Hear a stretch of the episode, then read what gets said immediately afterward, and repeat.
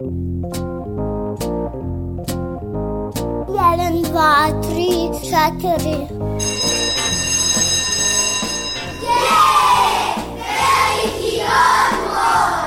Emisija o obrazovanju i vaspitanju. E, Kad neka vaspitačica kaže da je veliki odmor, onda nešto radite. Jedeš, treniraš, skačeš, julješ se, eto, i tako. Vi slušate veliki odmor. Veliki odmor.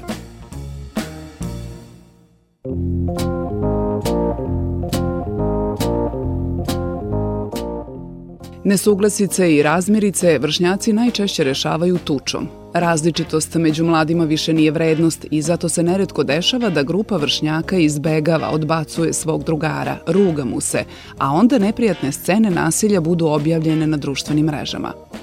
Pitanje koje se postavlja roditeljima, nastavnicima i kreatorima društvenog prostora je kako odbaciti nasilje kao prihvatljiv vid komunikacije u rešavanju konflikta i koje preventivne mere donose najbolje rezultate u suzbijanju svakog vida nasilja.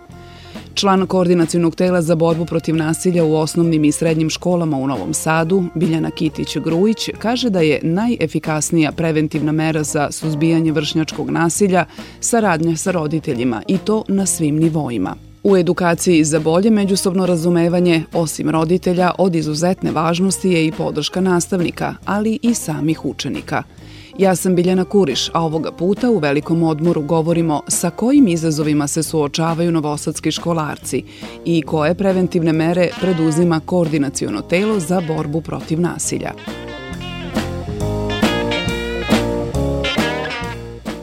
Nasilje među vršnjacima nije povećano, već je ono promenilo oblik, ističe za veliki odmor Biljana Kitić-Grujić. Ona objašnjava da mladi u našem okruženju žive 21. vek, te se kada je reč o nasilju ono prebacilo u sajber prostor i na socijalne mreže. Nasilje menja oblik. Znate, mi pre desetak, 15 godina nismo imali znači, ni internet, ni elektronsko nasilje uopšte i negde svi oblici nasilja su se svodili na nasilje u stvarnom svetu. Danas, ako uzmete nasilje u stvarnom svetu i nasilje u sajber prostoru, vidjet ćete da je mnogo veći broj slučajeva nasilja u sajber prostoru. Zašto? Prosto deca žive 21. vek. I ono što mi odrasli treba da shvatimo da se i naš život, a njihov posebno, seli u virtualni prostor i sve do juče što oni rešavali da li verbalnim sukobima sa prijateljima, drugarima u razredu, sad to rade na socijalnim mrežama. Znači, samo prosto moramo da pratimo vreme u kom živimo, potrebe dece, da imaju internet, da su korisnici svih društvenih mreža, da su vrlo aktivni u tom cyber prostoru, virtualnom životu. Ja mogu da vam kažem, kao neko ko radi cyber prostoru već 10 godina, da oni više nemaju granice stvarnog i virtualnog sveta. Mislim da sve više i više žive virtualni život da prosto više nemaju realan kontakt sa stvarima koje se dešavaju u realnom, stvarnom svetu. To vam je dovoljan primer da pogledate u bilo kom kafiću bašti, gde sede recimo dve, tri, četiri drugarice i one se zabavljaju tako što su sve četiri na svojim telefonima i kuckaju ili već prate neka dešavanja na cyber prostoru. Možda za našu generaciju je to teže da prihvati, da shvati, da razume tu potrebu, a s druge strane nam tempo života i, i potreba da vodimo računa o bezbednosti te dece nameće potrebu da ipak moramo da pratimo šta nam se dešava i na Twitteru, i na Facebooku, i na Instagramu, i na bilo kojoj drugoj socijalnoj mreži koja se pojavljuje. Elektronsko nasilje je najnoviji oblik nasilja među vršnjacima i zato je pogrešno govoriti o povećanju slučajeva vršnjačkog nasilja. Reč je o novoj vrsti nasilja među vršnjacima – Međutim, kada je reč o fizičkom, verbalnom, emotivnom ili seksualnom nasilju, prema izveštajima škola u Novom Sadu primećeno je povećanje nasilja prvog i drugog nivoa, dok je nasilje trećeg nivoa, gde se u rešavanje slučaja osim roditelja i psihološko-pedagoške službe uključuju i policija, odnosno socijalna služba, u opadanju, kaže Kitić Grujić. Šta to znači? Da su nam škole samo možda senzibilisanije, odnosno da su obučene i osjetljivije na oblike nasilja i, i reagujemo odmah čim se ono pojavi. Nemojmo zaboraviti da je Novi Sad imao zaista tragične slučajeve gde se nije na vreme reagovalo, nije se na vreme prepoznao neki oblik nasilja, ali isto tako smo i pre nepune dve godine imali u našoj osnovnoj školi vrlo ozbiljan slučaj nasilja koji trajao mesecima. Prosto negde iz svih tih slučajeva smo, valja smo naučili da prepoznamo i odmah reagujemo. Ono što je dobro, da je broj slučajeva nasilja na trećem nivou smanjen, a ono što je isto tako dobro, bez obzira što je povećan broj na prvom nivou, a to samo znači da su naše psihološko-pedagoške službe, škole, institucije spremne da reaguje na same pojavne oblike nasilja dok se nisu razvili u nešto mnogo zbiljnije. Kako bi set preventivnih mera i aktivnosti koje predlaže Koordinaciono telo za borbu protiv nasilja i lošeg uticaja u društvu kao što je zloupotreba psihoaktivnih substanci, alkohola, pušenje, ali i kockanje, dao rezultate, neophodno je da su roditelji partneri u svim akcijama. Član tog tela, Kitić Grujić, ističe da do sada ta saradnja nije bila na zavidnom nivou. Ona podsjeća na to da je Novi Sad prvi grad koji je obezbedio besplatne testove za otkrivanje dejstva psihoaktivnih substanci i da to ne bi bilo ništa neobično da nije postojala neprimerena reakcija roditelja. Postoje roditelji koji su vrlo negativno reagovali i to u stvari jeste problem što mi negde nismo spremni da čujemo istinu ili da se suočimo sa tim nekom našom sumnjom koju mi imamo, a pritom je test bio potpuno besplatan, obuhvatao je pet najzastupljenijih psihoaktivnih substanci koje se koriste negde u tom uzrastu, pritom je bio anoniman u smislu da vi kao roditelj ste mogli ili ne da prijavite školi, znači to bi prosto od vas zavisi, ali ste imali i upustva kome da se javite u slučaju da je test pozitivan. Dom zdravlja ili savjetovalište za mlade, bukvalno su imali sve instrukcije da u slučaju da posumnjuju ili da je test pokazao da postoji konzumacija neke od navedenih substanci, a da roditelj prosto odvede svoje dete. I tu smo imali problem sa radnju s roditeljima, a nemamo način kako da uslovno rečeno nateramo roditelja da nam bude partner. Ni mi sami kao koordinacijalno telo, ni vi kao mediji prosto ne možemo samostalno da utičemo na zaista vrlo kompleksan problem kao što ga imamo, a to je kocka, to je psihoaktivne substance, to je alkoholizam kod dece i mladih, to je pušenje kod dece i mladih i nasilje koje se dešava nad decom, ali i među decom u srednjim i osnovnim školama. Još jedna mera koordinacionog tela doživela je negodovanje roditelja. Reč je o takozvanom islandskom modelu, po kojem se deci mlađoj od 16 godina ograničava izlazak posle 24 časa bez pratnje roditelja. Postavilo se pitanje dečjih prava i sloboda kretanja. Negde moramo da shvatimo da s jedne strane kad govorimo o pravima dece imamo paralelnu i obavezu Ako mi ne zabranimo, nego ako ograničimo izlazak, odnosno boravak dece bez nadzora starijih, nije zabrana njihovo kretanja, nego ja bi to zaista slobodno nazvala briga o njihove bezbednošću.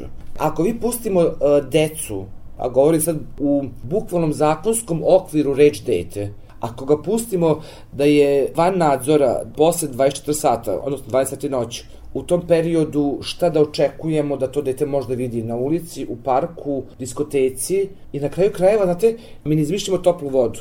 Ako u čitavom svetu vi imate jasno definisano gde deca mogu da ulaze u koje lokale, a gde im se toči alkohol, gde se ne sme točiti alkohol, zašto mi to prosto ne bi uradili? Nisu ugroženija ništa deca u Austriji, koji su nam komšije, ako njih se primenjuje, i to vrlo strogo primenjuje pravila, oko prodaje duvanskih proizvoda, oko proizvodnje i stavljanja u promet alkoholnih pića, vrlo strogo regulisani zakoni i pravila. Pa su njihova deca i živa i zdrava. Imam utisak da mi u nedostatku argumenta zbog čega nisam za to da se mom detetu ograniči, a tačnije da ne može da uđe u lokal koji nije predviđen za njene godine, imam utisak da se onda vadimo na prava dece i na ograničavanje pravca kretanja, što zaista nije tačno, jer vi kad pogledate zakon i same protokole konvencije koje određuju prava deteta, se nigde ne spominje ovo sad o čemu mi pričamo, nego dete ima pravo na bezbedan i normalan život i zdrav razvoj. Ako će nam te neke mere pomoći u u njegovom zdravom razvoju i bezbrednom životu,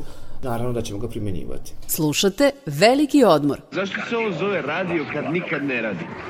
Pa radio, to je prošlo vreme, u sadašnje vremenu ne radi.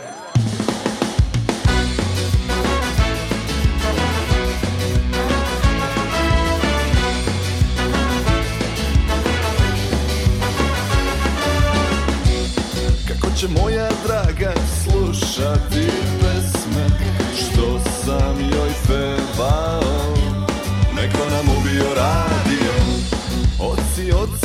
kako ste mogli Polomiti te čvrste? Što vašoj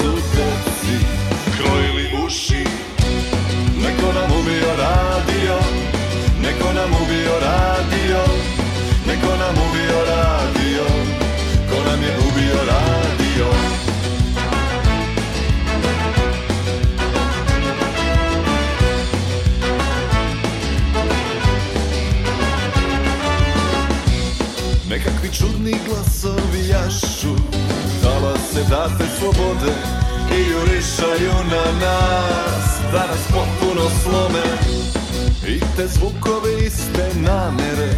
Nisu im čiste Rado bih gledao kako se dave U viru tišine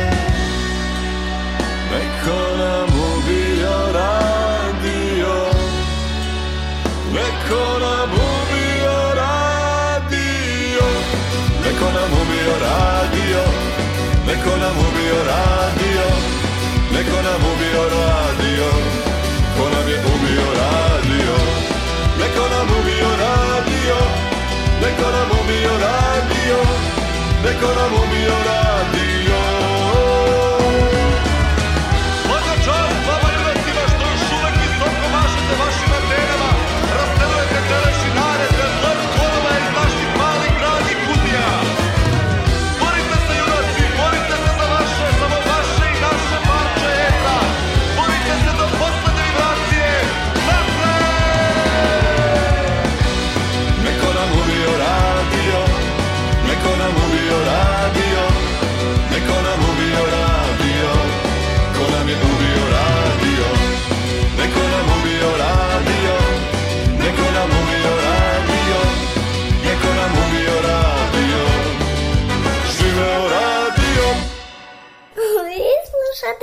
Veliki odmor.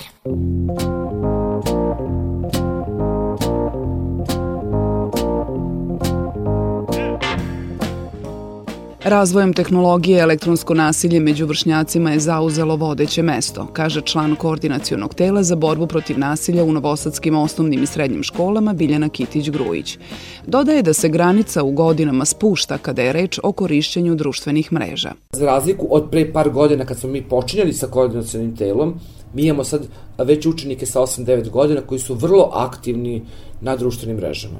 I onda samim tim i problemi prosto negde od samog šikaniranja i vređanja drugara ili recimo najčešći slučaj u našim školama u tom periodu života, drugi, treći raz osnovne škole, jesu izbacivanje, odnosno šikaniranje u Viber grupama. I to je negde osnovni početni oblik cyberbullinga koje mi posle imamo, jer ako se ne reaguje čim se to primeti, onda na kraju zaista imamo ozbiljne probleme tipa a, snimanje raznoraznog sadržaja, fotografija, slanje što većem broju ljudi. Prema rečima Kitić Grujić, više od polovine učenika ne prijavljuje nasilje među vršnjacima.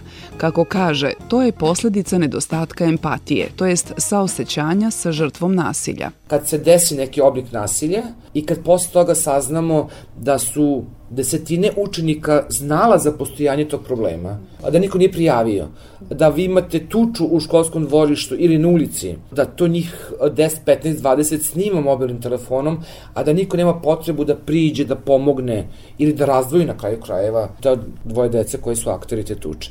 Kao društvo i kao porodica moramo da radimo na razvijenju empatija kod naše dece, na osjećajnosti, na razumevanju, na prihvatanju različitosti, da ne možemo da budemo svi isti, da ne možemo da budemo svi plave kose, plavih očiju i ne znam, nego da prosto moramo da radimo sa našom decom, a sad već ulazimo u problem funkcionisanja porodice. Kako bi se suzbilo nasilje među vršnjacima, Koordinaciono telo za borbu protiv nasilja usvojilo je akcioni plan koji u svom zadatku ima da razvije saosećajnost kod dece i mladih, razumevanje, prihvatanje različitosti, ali i razvoj lične odgovornosti i odgovornosti prema okolini. Imaćemo dan kulture. Veliki broj naših školaraca nikada nije otišao u pozorište gde opet mislimo da ćemo, ako im pokažemo kroz raznorazne predstave koje nam se pružaju u našem gradu, da probamo na taj način da utičemo da prihvate različitost, da prihvate nešto što je lepo, da pomerimo moralne granice. Mi imamo problem sa poremećem moralnih normi, da negde izađemo iz realitija, da izađemo iz cyber prostora, nego da im nešto pokažemo da postoje i druge aktivnosti i kvalitetno provođenje vremena osim toga da sedimo na društvenim mrežama i pratimo nečije živote. Znate, jako je teško napraviti bilo kakav set mera ili akcijni plan ili kako god mi njega zvali, da bismo zadovoljili sve ukuse i sve generacije. I onda smo napravili jednu lepezu, bukvalno od nekih 15 ponuđenih mogućnosti, koje su sve besplatne. Da im ponudimo alternativu, da nam idoli deci budu reality igrači ili već kako god se oni zvali, ili da im ponudimo alternativu da postoji nešto lepo i u novinarstvu i u umetnost. Da li ćemo uspeti i koliko ćemo uspeti, zaista ne znam, ali znate kako, nije negde ni na nama ni odgovornost da li ćemo uspeti. Mi smo vam ponudili to, ponudili smo školama, ponudili smo roditeljima, a od njih je da li će to iskoristiti ili ne. Svaka preventivna mera koordinacionog tela je u saglasnosti dečijih prava i u sastavljanju aktivnosti odobrena od pokrajinskog obucmana. Radi uključivanja učenika u rade tog gradskog tela, naša sagovornica je najavila formiranje gradskog đačkog parlamenta. Slušali ste Veliki odmor Radio Novog Sada. Bila je ovo emisija Veliki odmor. Možete je slušati svake druge subote na talasima Radio Novog Sada i odloženo na sajtu rtv.rs. Sledeće subote u isto vreme slušajte Kuću domaćinsku.